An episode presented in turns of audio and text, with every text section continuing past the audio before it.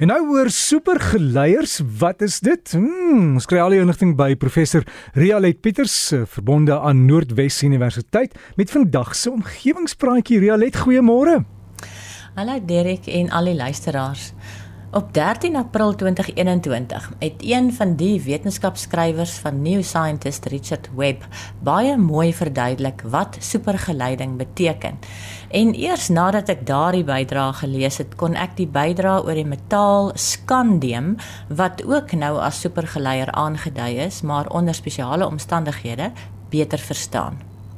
Twee verskillende navorsingsspanne vanuit China het gelyktydig ontdek dat die metaal skandium supergeleier eienskappe het by en in aanhalingstekens die hoogste temperatuur vir 'n suiwer vaste stof. Die een artikel het in Physical Review Letters van Junie 2023 verskyn en die ander een in Archive van Maart ook van hierdie jaar. Maar kom ons begin by die begin. Skandium is die 21ste element op die periodieke tabel en die eerste oorgangsmetaal en word beskou as 'n raar aardmetaal. Dis vernoem na Skandinawië deur die metaalse ontdekker Lars Nielsen wat die element in 1879 in Uppsala, Swede, beskryf het. Scandia smelt by 1541 grade Celsius, is 'n silwerwit metaal en word gewoonlik gebruik in toepassings waar dit belangrik is dat die produk liggewig moet wees. Dis amper so lig soos aluminium, maar baie duurder en kry ons aluminium scandium alloy in die lug- en ruimtevaartindustrie en in sporttoerusting soos fietsrame, visstokke, golfstokke en bofbalkolwe. En baie verdunde skandiumsulfaat word ook gebruik om die ontkieming van saad soos mielies, ertjies en koring te verbeter. Supergeleiding is die eienskap waar materiale elektrisiteit kan gelei sonder elektriese weerstand. Ons weet dat dit bewegende elektrone in 'n geleier soos 'n koperdraad is wat aanleiding gee tot elektriese stroom. Maar hierdie elektrone bots teen die onsuiverhede en verloor so energie in die vorm van hitte. Soveel as 10% van alle elektriese krag wat oor lang afstand in kabels met hoë volt versprei word, gaan verlore. Tydens supergeleiding kan elektrone langs die draad beweeg met min aanmoediging en kan aanhoudend deur die draad vloei sonder om energie te verloor. As ons supergeleiers in ons kameras gehad het, sou ons nooit nodig gehad het om batterye te vervang nie. Daar is twee soorte supergeleiding. Die wat by lae temperature bewerkstellig word en by lae temperature bedoel ek naby absolute zero. Dis nou 0 Kelvin of minus 237.15 grade Celsius. En dan is daar die supergeleiding wat by die hoë temperature bestaan, maar soos ek net net sal verduidelik, is die hoë temperature eintlik maar net 'n relatiewe begrip. Supergeleiding is in 1911 reeds deur die Nederlandse fisikus Heike Kamerling Onnes ontdek. Hy het opgelet dat 'n kookdraadjie geen elektriese weerstand by 4.2 Kelvin of dan nou -233 grade Celsius gehad het nie. En 'n jaar daarna haal tin en lood dieselfde mylpale by -233 tot so -230 grade Celsius. En toe volg daar die alloye van niobium en tin. Maar om hierdie baie lae temperature te behaal, moet mens van vloeibare helium gebruik maak. Rondom die einde van die 1980s, begin 1990s het koperoksied of die sogenaamde kupraat supergeleiers hulle verskyning gemaak.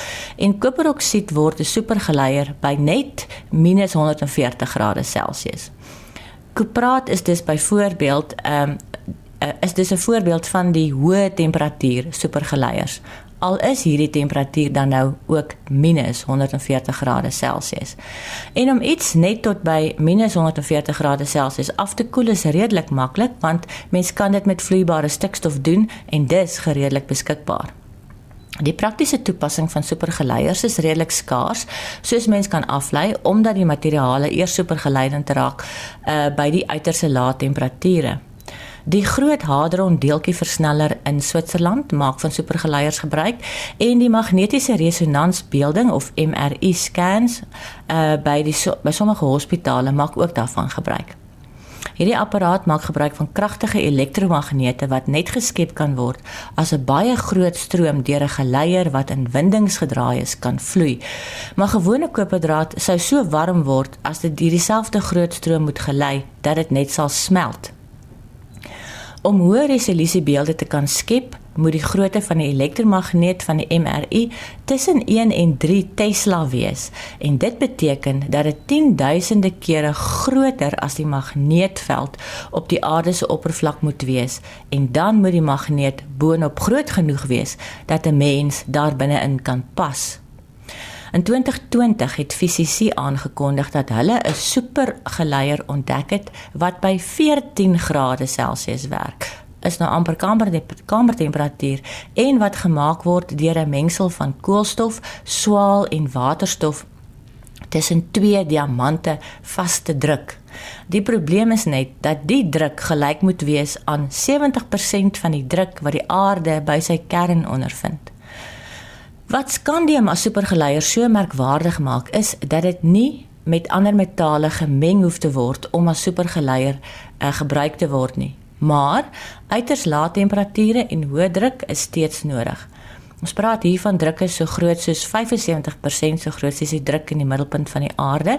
Dis in die orde van 260 tot so 303 283 gigapascal en die hoër warmtemperatuur was 'n lou warm minus 237 grade Celsius tot so minus 242 grade Celsius. Ek het op omgewingspraatjies se webwerf foto's geplaas van toerusting wat van supergeleiers gebruik maak. Gaan kyk 'n bietjie. So gesels professor Jalet Pieters van Noordwes Universiteit oor al hierdie supergeleiers, heel interessant en hoeveel draaie en alles mens nodig het en en hoe koud dit moet wees. En as jy enige navraag dalk idee oor iets waar ons kan gesels, epos omgewing by rsg.co.za, omgewing by rsg.co.za.